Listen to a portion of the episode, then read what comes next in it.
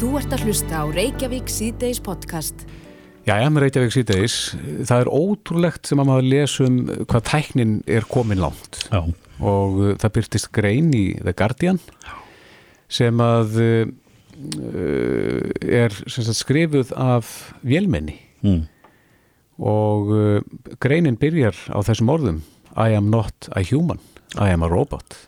Já. Og svo kemur, kemur bara grein Aha. sem að Fjallar um- ro robotin skrifar.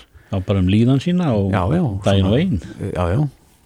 Og hérna, þetta er hansi mögnu grein og, og Hann er stundu verið sagt um, um tölvunar og þróum þeirra og þeirra kemur að þessu að, að e, þann daginn sem að tölvan eða þessi búnaður sýnir frumkvæði þá höfum við tapað orðstunni. Já, hann segir hérna reyndar í greinni sko for starters I have no desire to wipe out humans þannig að hann, hann kemur með friði en uh, á línunni er uh, maður sem að þekki þessi málansi vel, Kristinn Rúnar Þórisson professor í tölvunafræði við Háskólinni Reykjavík Sæl, Sælir? Sælir.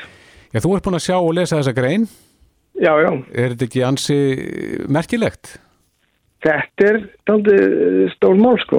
Já, af hverju? Og um, það er náttúrulega fyrst og fremst kannski að greinin sem maður lesi gegnum þessa grein að, að uh, maður fær virkilega á tilfinninguna að það sé einhver höfundur hann að baki. Já, einhverja tilfinningar Já, jafnvel. Um, allavega það er svona það er svona það sem að kannski þetta mannlega, þessi mannlega hliðum hans að uh, það er engin, engin annar en manneskja geta gert svona áður. mm Þannig að það er eðlileg uh, kannski uh, viðbröð að finnast, finnast að þarna sé einhvers svona helstað hugsun. Tekur hún frumkvæðið? Nei, hún gefur það ekki. Þannig að við erum ekki búin að tapa orðstu enn. Nei En, en þegar hún notar svona orðið eins og sko nánast ég kemi í friði sko, ég hef enga ánægða því að, að, að hérna útrýma. Hver- hvernig, hvernig kemur þetta til að, að vélinn seti þetta á, á blað er hún prógramiru til þess að gera það eða? Já, þetta er góð spurning uh, og, og hérna um, er náttúrulega við tölum um hana, vélna og eins og hún hafi einhverjar ætlanir Mm en uh, hún hefur ekkert meira ætlanir heldur en sláttu vél Nei, um, og þegar vélin, sláttu múin að slá grasi þá fáum við ekkert á tilfinninguna að hún getur kannski fara að sleppa út á nóttunni og fara að slá önnur tún.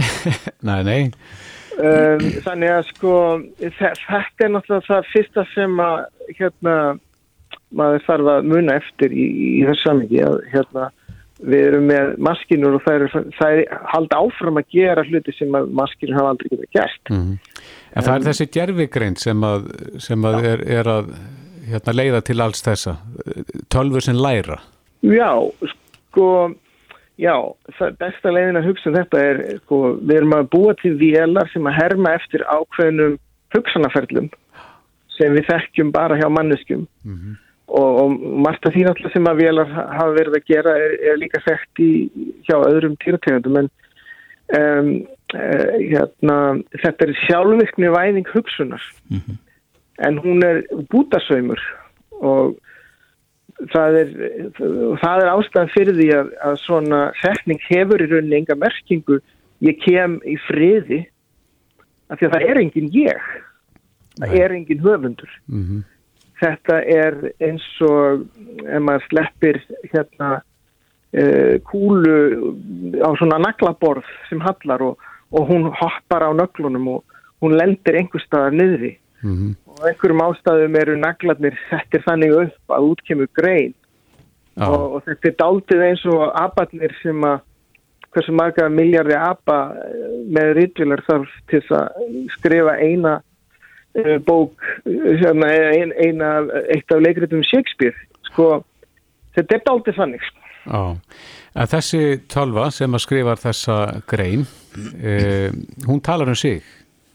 já, Hún er, hún var sett, hún, var- henni var stiltu þannig sko. já, þið skoðið sko, neðamálsgreinina eftir uh, rit, hérna rittstjóruna þá stendur þar að fyrsta efnisgreinin, hún var skrifuð af manneski já, og það er rauninni fræið sem kemur greininni af stað já, þannig að tölvan lærir uh, þá uppsetningu og framsetningu? Já, hún lærir ekkert, sko, hún lærir henni ekki neitt, hún hefur búið að kenna henni allt sem hún kann.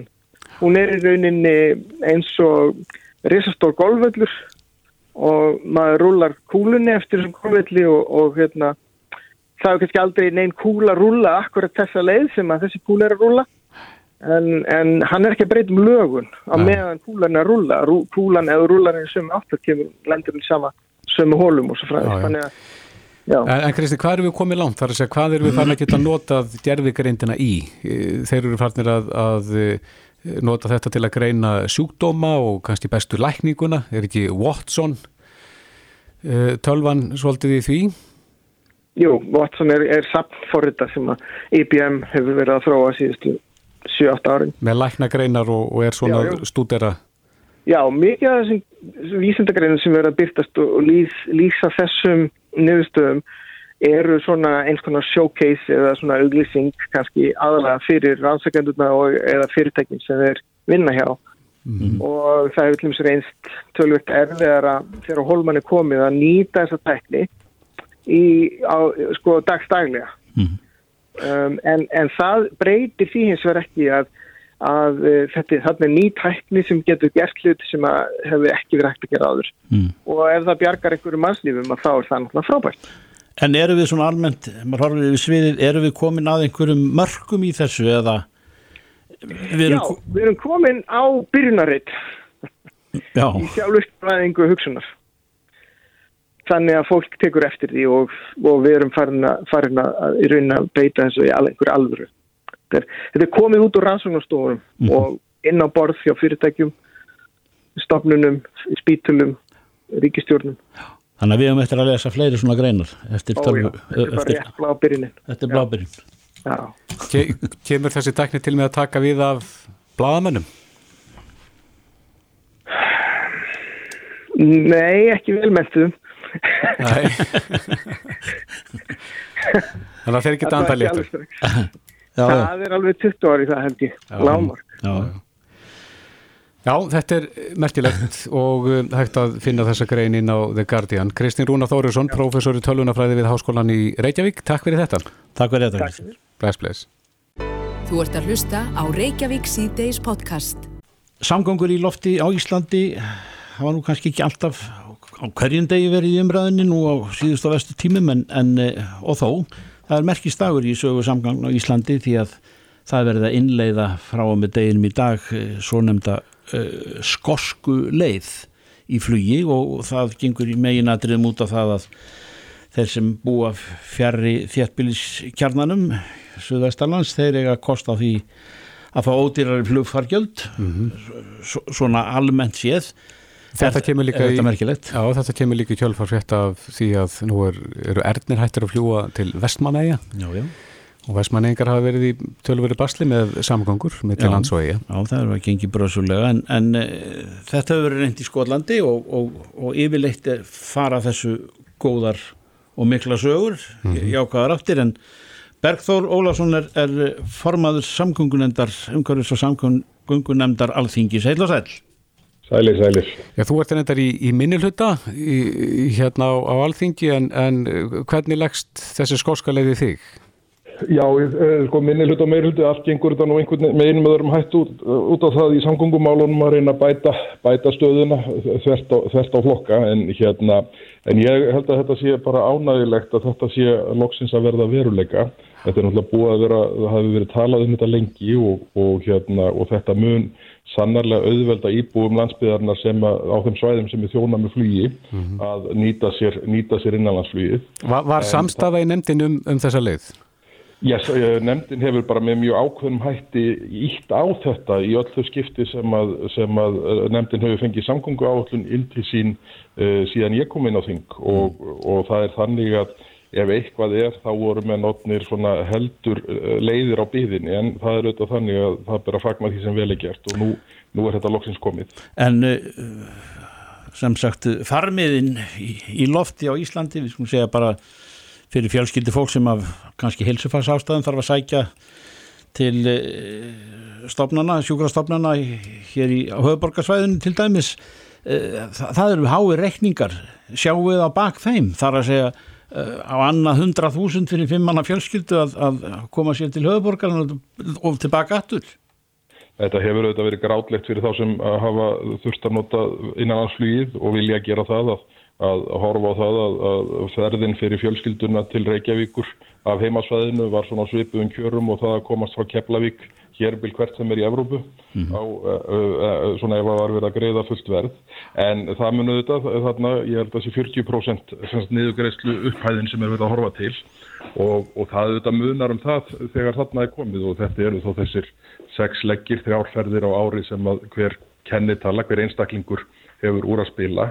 En það sem er auðvitað kannski alvarlegt í þessu svona ef maður horfir á þetta við lengri tíma er að svona nú gefur ríkið uh, að einhverju margin hefur verið að taka ansi lengi því að það er búið að auka gjaldtök og innanlandsflýið með mjög afgerandi hætti og allur kostnæður hefur rókið upp fyrir rekstaræðilar núna árum saman. Og það er kannski það sem við verum meðal annars að horfa á í þessari nýjustu ákvörðun flugflæsins erðnis að hætta flýið til Vesmanega Það er auðvitað vegna þess að ekstra grundvöldurinn er orðin alveg ómögulegur. Í fyrsta lagi mjög hár kostnaður mm. og síðan eh, sko hérna sérst, eh, greiðslur til eins og opinbera með einum öðrum hætti.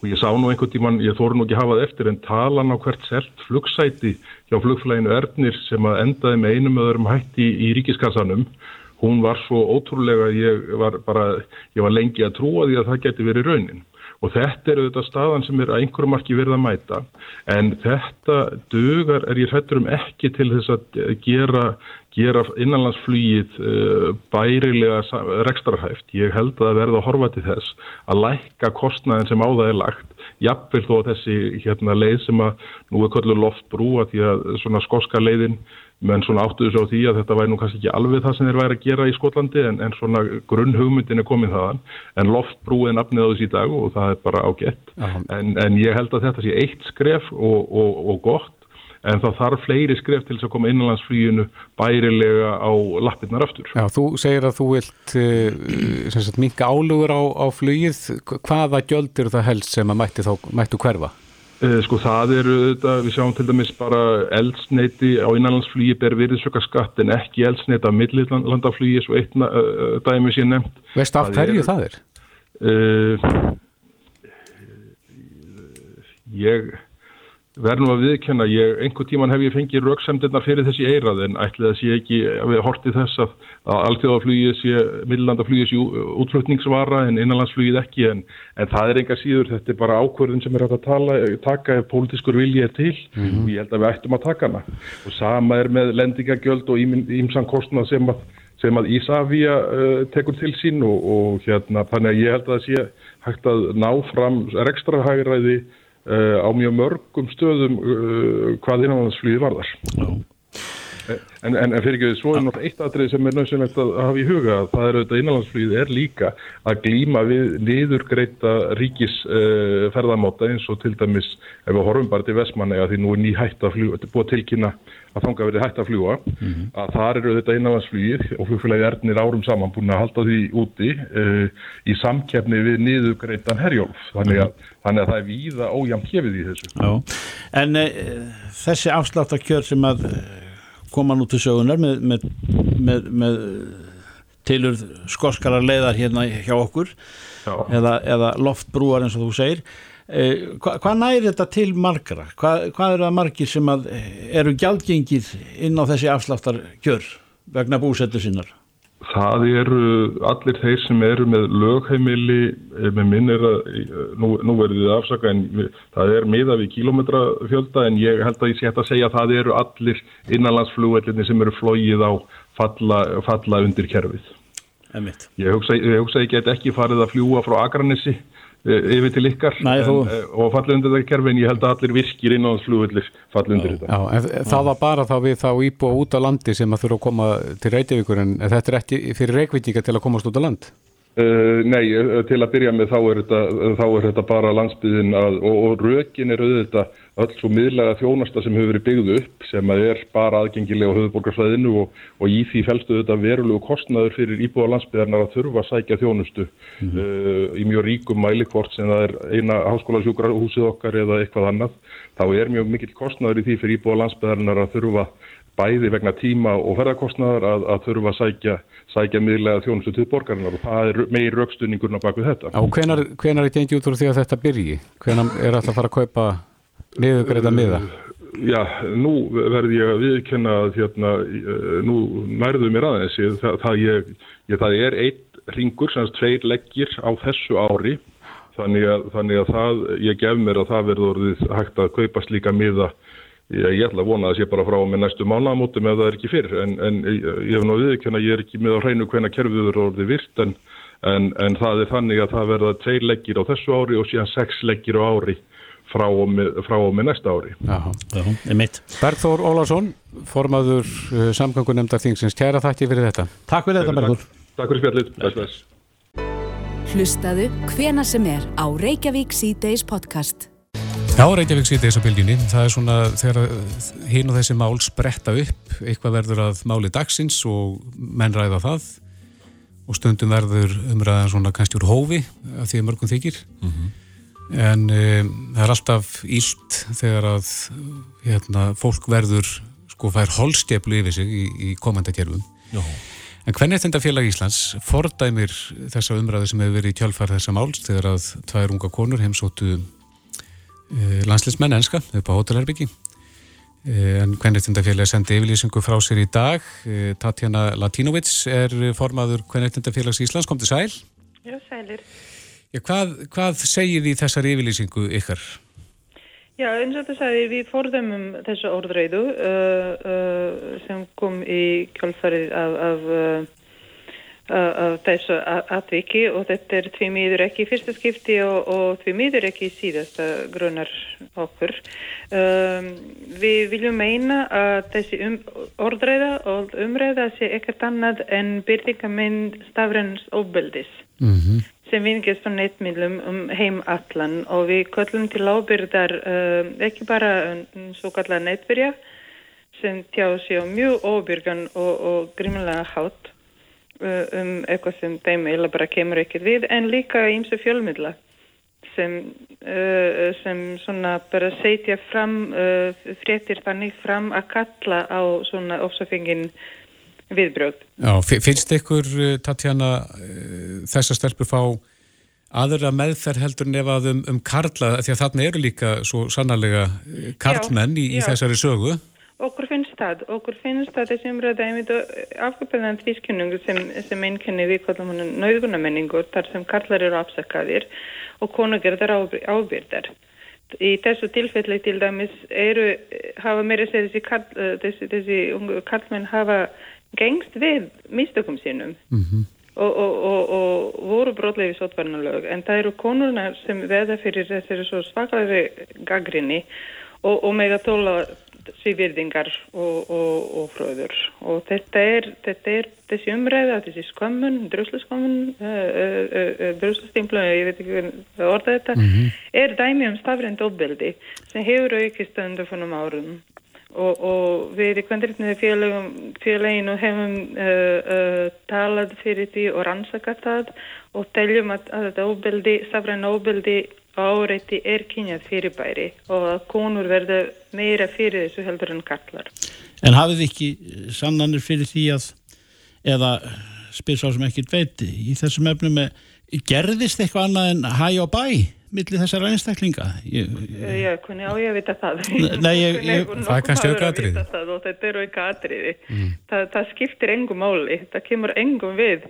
Nei hvað hva hefur það gert og, og við veitum ekkert að það er ekki frekar en, en aðrir en, en okkur bara blöskrar þessi umræða og, við, og, og hvernig uh, þetta fór í Íslandi og í Englandi og við bara viljum að, að áreita að mikilvægt sér öll átti sér því að, að að þessi orðræði sem beinist núna í þessu tilfelli gegn þessum tveimur konum er ekki engungu skarlegt þeim persónulega heldur öllu samfélagi. Mm -hmm og við, og við bara köllum fjölmjöla og fólk til ábyrðar. En hafið þið Tatjana eitthvað skoðað umræðina sem slíka? Þar að segja, eru þessi hérna leiðinlegu komment, eru þau aðalega frá körlum eða er þetta blanda karlar og konur? Mér, eða... mér fannst þetta bara að vera alla vega. Já. Þetta eru bara ka- karlar og konur, þetta er bara uh, svona bara maður reynur, þetta er eiginlega bara, uh, maður getur bara mist vitið að, lesa þetta allt saman en, en bara svona lauslega skoða, nú veit ég ekki hvað er bak við þessa profila en þetta er fólk alltaf aldrei Mm og, og við erum að tala um, um, um ábyrða, ábyrða hegðun eða óábyrða hegðun ungmenna á netinu og, og við sjáum fullarinn fólk og þess að sviðverðingu skipta sér á hlutum sem koma þeim ekki við og einmitt bara sviðverða 19 ára börn, að krakka -hmm. eða þetta er stungar konur Já, uh, hva, hvað er hægt að gera? Er, er, þið viljið vantilega breyta þessari umræðu menningu? Já, við bara viljum, einmitt, það er það sem við gerum með þessari yfirlýsingu núna, við erum bara að benda á þetta og kalla og, og, og þetta gerist ekki yfir nótt og, en, en, en vonandi þróskast umræða eða fyr, henni fer fram í rétt átt. Nú er, var neitmýrla verið til staðar svo nokkuð lengi og ástandið er ef eitthvað er bara versna. Mm Þannig að þess vegna finnst okkur einmitt fjölmiðlar uh,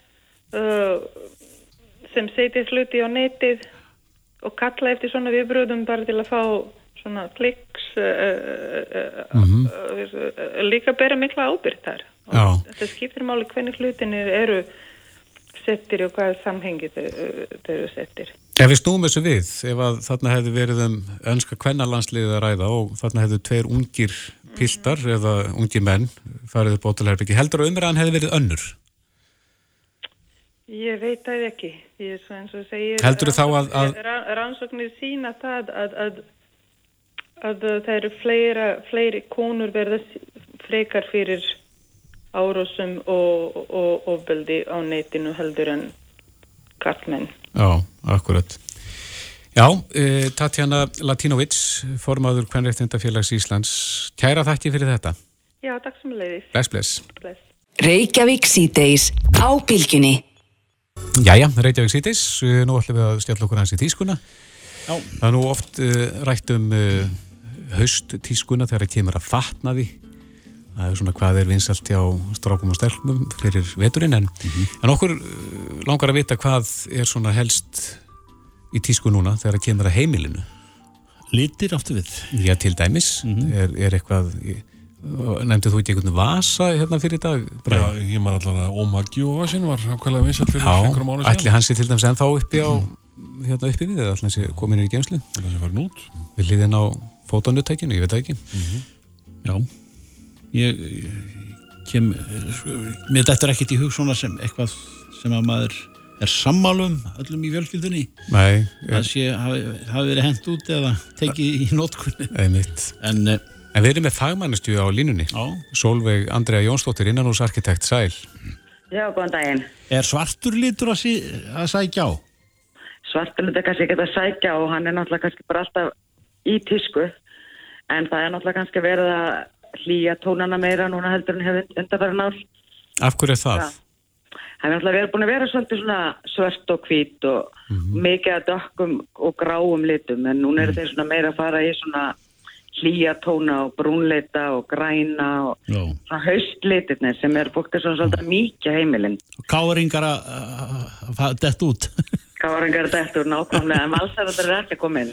Nei, þeir eru ekki að koma inn Þeir eru ekki að koma inn. Þannig að rauði er ekki, ekki í tísku en, Ekki ennþá, nei. nei, en, en það að þú talar um haustlitina þeir eru að koma inn og nú er að bresta á haust en, en fólk er ekkert að mála bara eftir ástíðu með það Alls ekki, en þú ert náttúrulega kannski ferð eftir sömarið þegar sömarverkin, útiverkin búin og ferðir svolítið lítið kringu heimi á þér Mhm. og langar kannski hans að breyta til og það er náttúrulega þessi svörtu, þessi grái tónar eru búin að vera lengi, kal, þetta kalda heimili Já. og nú eru heimilin kannski svolítið að mýkjast, verið að fara út í svona náttúru liti og bast og brúna tóna meira og meira svona kannski meira í nær skandinaviskum stíl. Er, er fólk þá að mála svona einn og einn vegg með þessum lit eða Nei, fólk er, núna er fólk bara að mæla, það er bara eitt ríkislitur sem er kannski tónaður upp eða niður eftir herbyggjum Já, og svo er kannski verið að taka herbyggi kannski öðru lit en þessi eini veggur myndi ég að segja var alveg, hann var bara dottin út já, eins og allir voru að gera hérna fyrir nokkrum mánu síðan. Ríkisliturinn í ár er ríkisliturinn í ári er örugglega, myndi ég segja beis, svona brún beislitur. Já, og svo svona tónar út frá þeim lit. Já, svona tónar út úr þeim lit Já, og, og svona tónar upp og niður og svo kannski er kannski fólk að mæla, mála græna liti mikið líka núna í höstunni. Mm. hvað gerir fólk síðan næsta sumar eða, Næsta sumar, þá málar það bara aftur. já, þá, þá er bara komið að annari málum. Nei, nei, alls ekki. Það búið að vera mjög lengi náttúrulega þetta gráa, þannig að núna eru bara, kemur núna næsta meiri svona mýking í litina og Mm. þeir eru svolítið náttúrulegi litið sem eru, eru kannski að koma núna með höstinu og ha, hafa verið að kannski undarfæra ár svona að mýkjast Já. og Í- Íslendingar að, fara að taka til sín svolítið meiri mýkt líka. En, en húsgögn og húsmunir e, fylgja þeir í humátt með einhverjum breytingum þegar að verða svona fundamental breytingar í, á lit í hýpilum manna?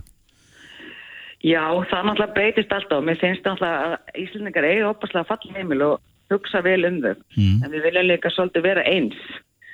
Þannig að mér finnst líka svona vissa kynslu og kannski vera meira að safna fyrir einhvern svona item og falleri hlut heldur en að fara og kaupa 30 vasa í háum hóm sko. Mm Þannig að kannski meira að vera að safna fyrir einhverjum ákvörnum hlut sem þeir langar í.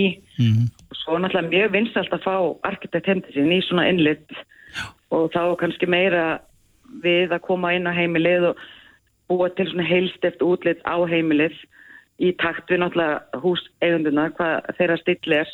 Og kannski að hjálpa hann kannski svolítið að búa til svona plan.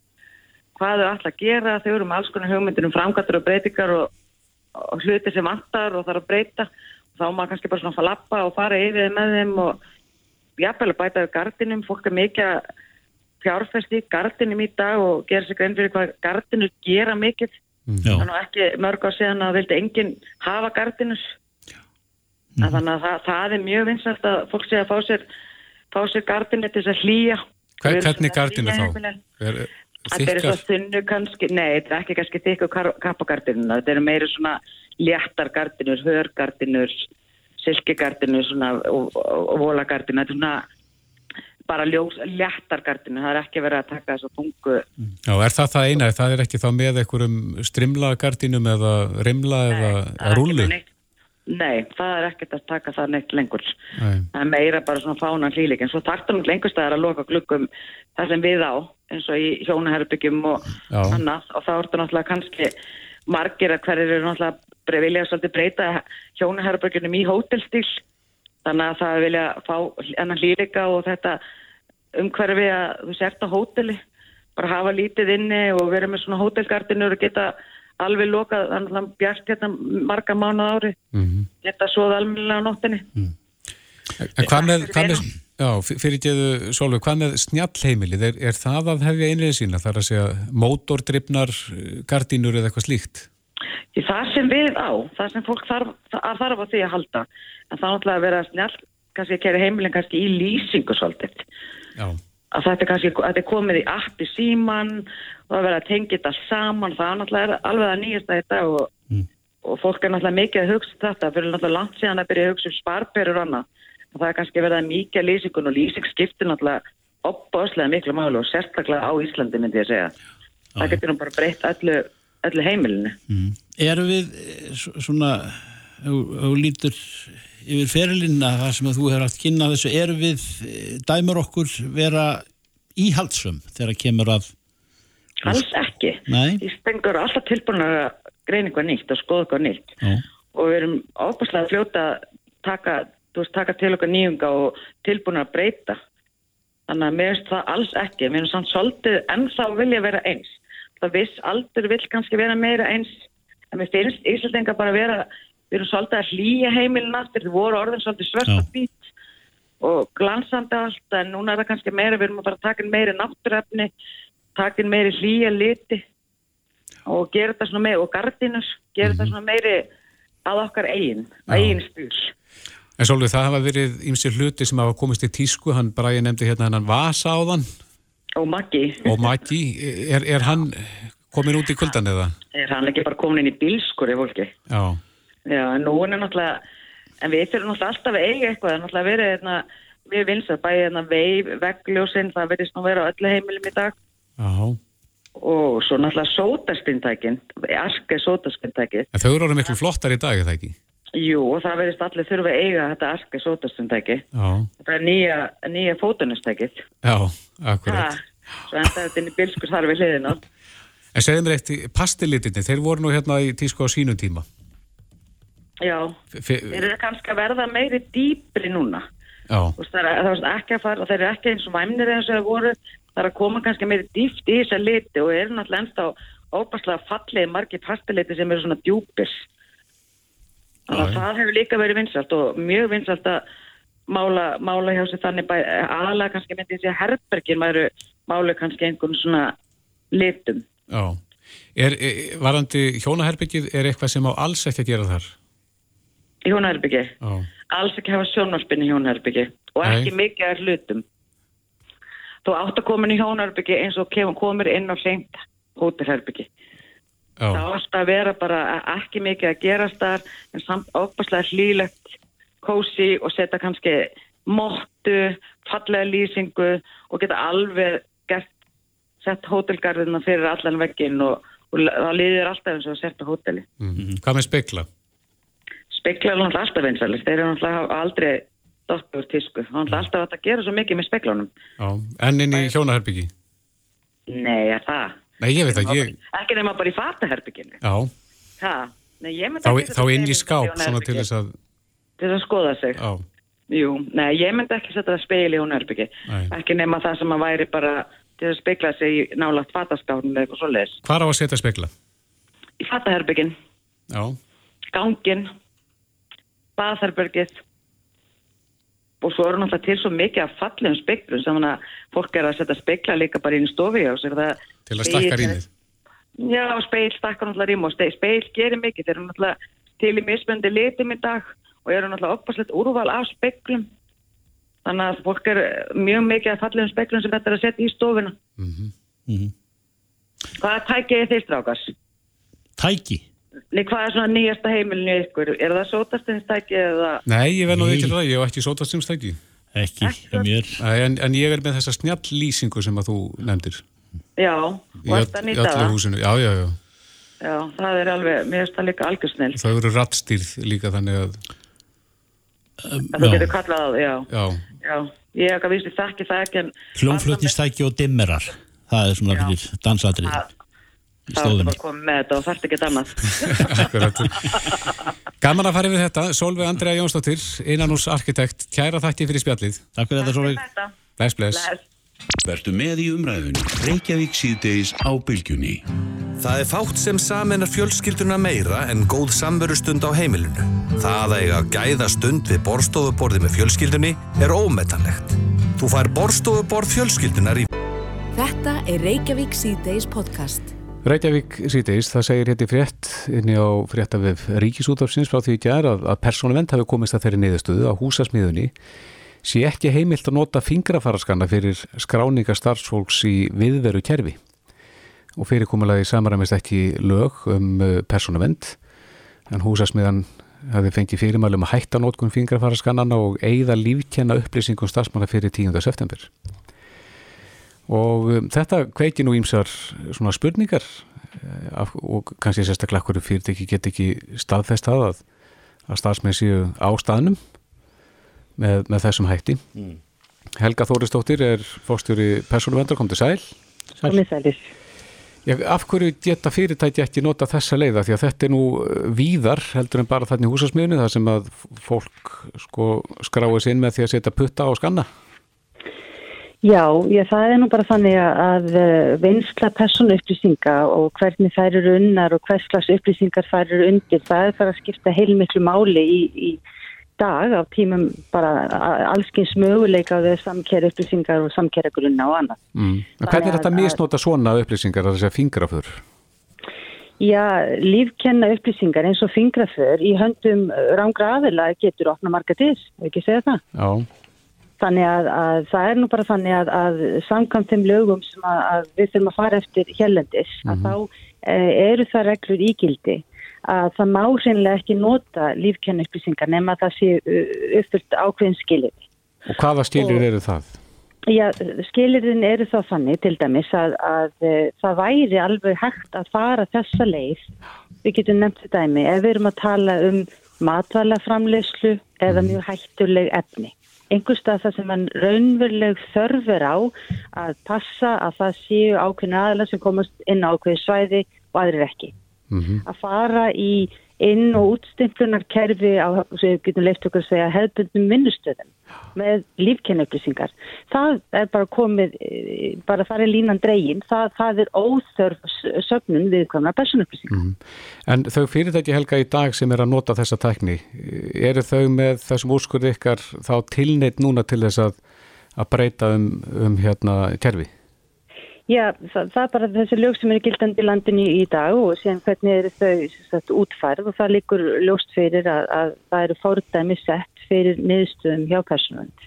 Þannig að, að eh, þeir vinnustæðir sem að geta tjekkað í, í bóks við það fyrirtæki sem hér eru undir með sambæla starfsmið þurfa mjög snarlega að skoða sína yðju. Mm -hmm. Nú önnur aðrir aðeins kannski eh, sagt, geta staðið skil á síni Og það er annað í þessu að nýju personundalögin sem við segjum ennþá nýju frá 2018 að þau gerðu þá kröfu að ef, ef einhver ætlar að vinna með viðkamar personupplýsingar sem eru þá lífkennaupplýsingar að þá þarf alltaf að framkalla svo kallað mat á áhrifum á personu og það er ymmið þetta sem spurður upp af því hvað þarf að varast og þarf eitthvað að varast þegar það er verið að sapna lífkennaupplýsingum um starfsmenn. Já, er ekki hægt að þrengja þá bara fyrirtækjum sagt, að, um meðferð þessar upplýsinga? Þess að leifa fyrirtækjum að nota þessa tækni en, en að, að áreita þá eða setja þá strángari reglur um meðferðina?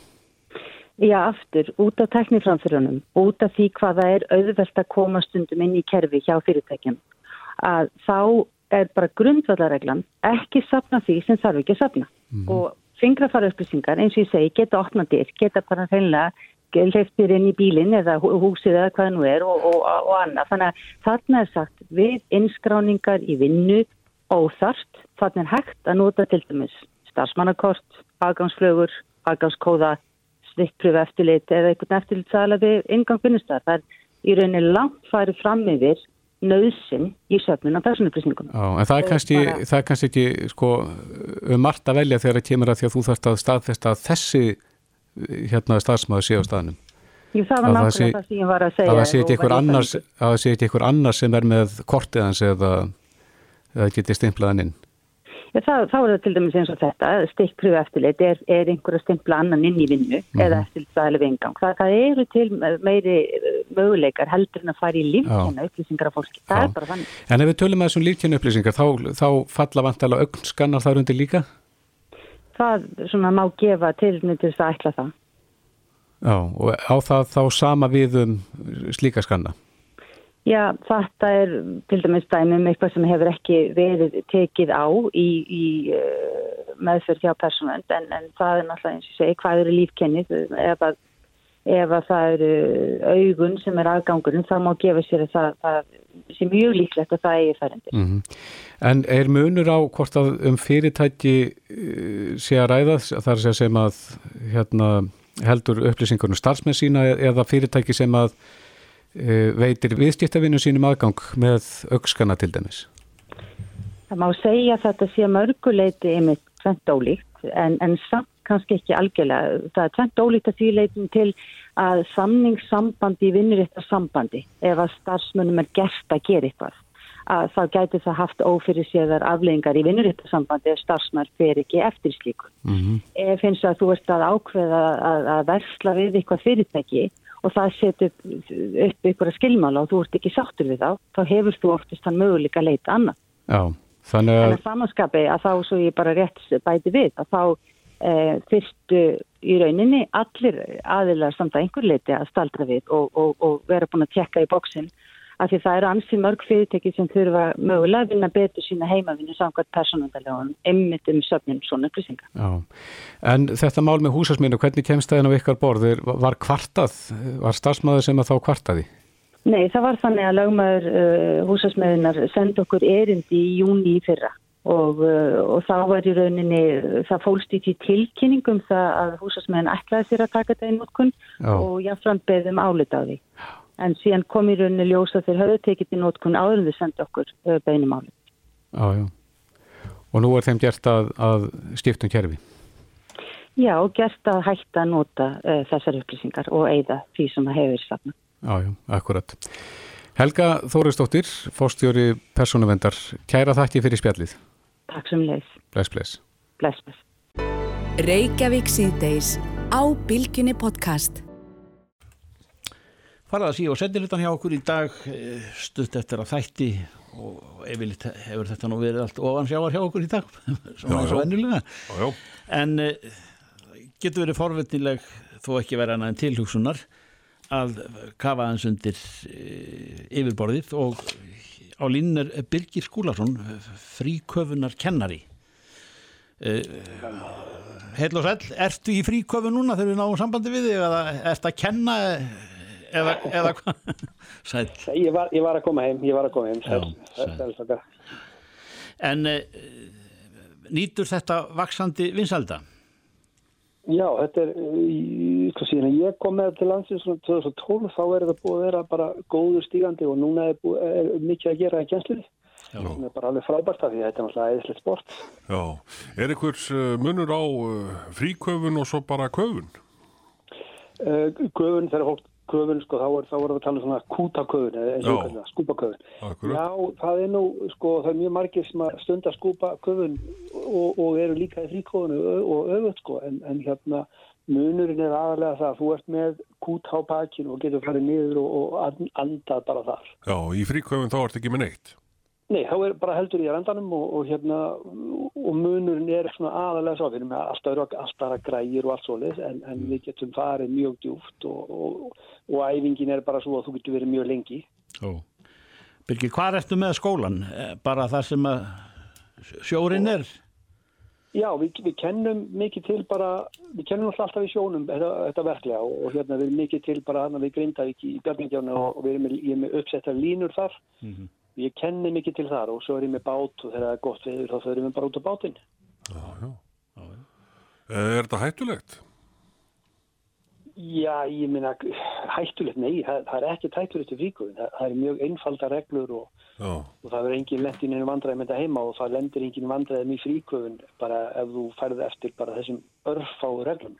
Já, og eru þær, og þær eru, það þarf að fylgja þeim, vegna þess að þetta, maður getur ímyndað sér að að vera á miklu dýpi og, og svo bara þrítur loftið einhvern veginn.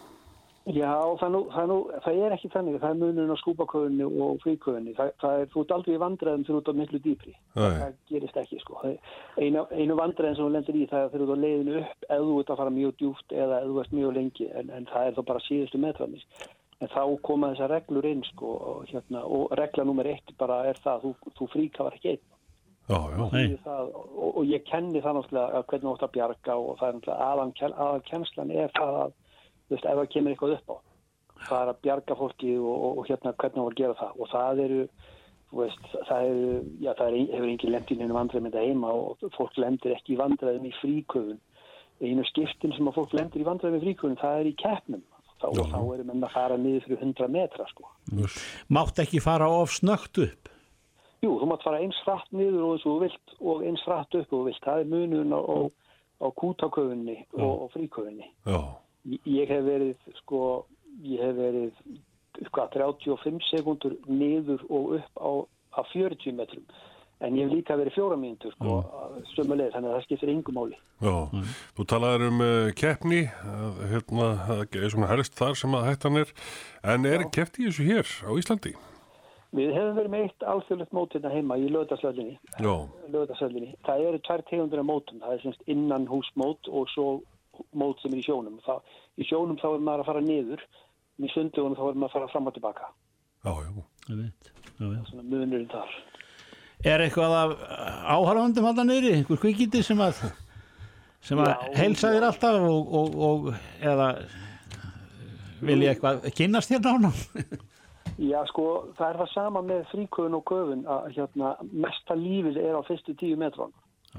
Þa, það er alltaf þannig í öllu, sko. Ef þú ert að fara neðar þá er það yfirleitt, ef þú ert að skoða eitthvað sérstakt, ef það er flök eða eitthvað svo list, þannig að allt líf er á tíu metrum upp og það er, þú, þú gerir það í fríköfun mjög öðvöldlega.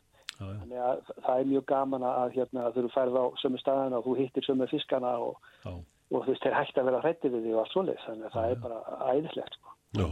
Helsa þér bara? Já, já, já. Blaka sko, Já, ég meina, Dive Center, þar, þar eru sko steinbítar sem að koma á móti þér og, og hérna, þú getur klappað þeim og allt svoleiðis og gefið þeim bara að borða. Já.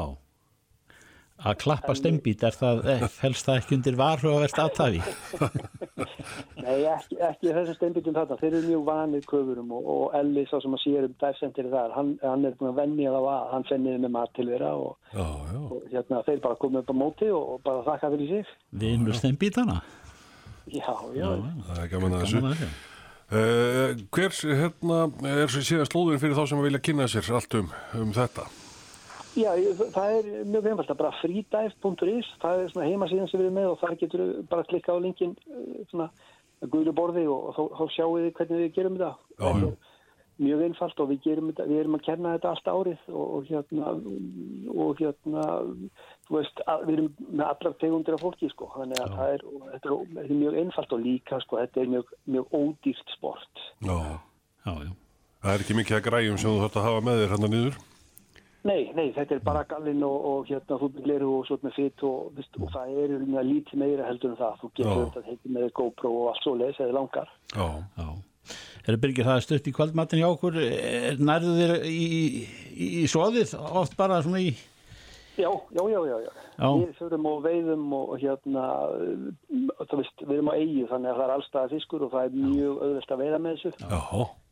Og við erum, í, við erum í öllu þessu. Það er bara, og bara tína skeljar, þú veist, auðskil og gúskil og, og, og eldum þær. Fullt að mat allstæða, sko. gaman að heyra. Þetta er í það minnst að búið að vekja aðtekli og áhuga hjá mér. Þetta ljóma mjög vel. Já, já, nema kannski það að klappa steinbít en, en látum það líka vel þetta en eh, gaman að heyra af þessari mynd sem þú bregður upp af þessu starfi Birgir Skúlason fríköfunar kennari Takk kærlega fyrir þetta Bara hafið það gott okkar. Sömulegis. Já, bye. Reykjavík síðdeis á Bilginni podcast.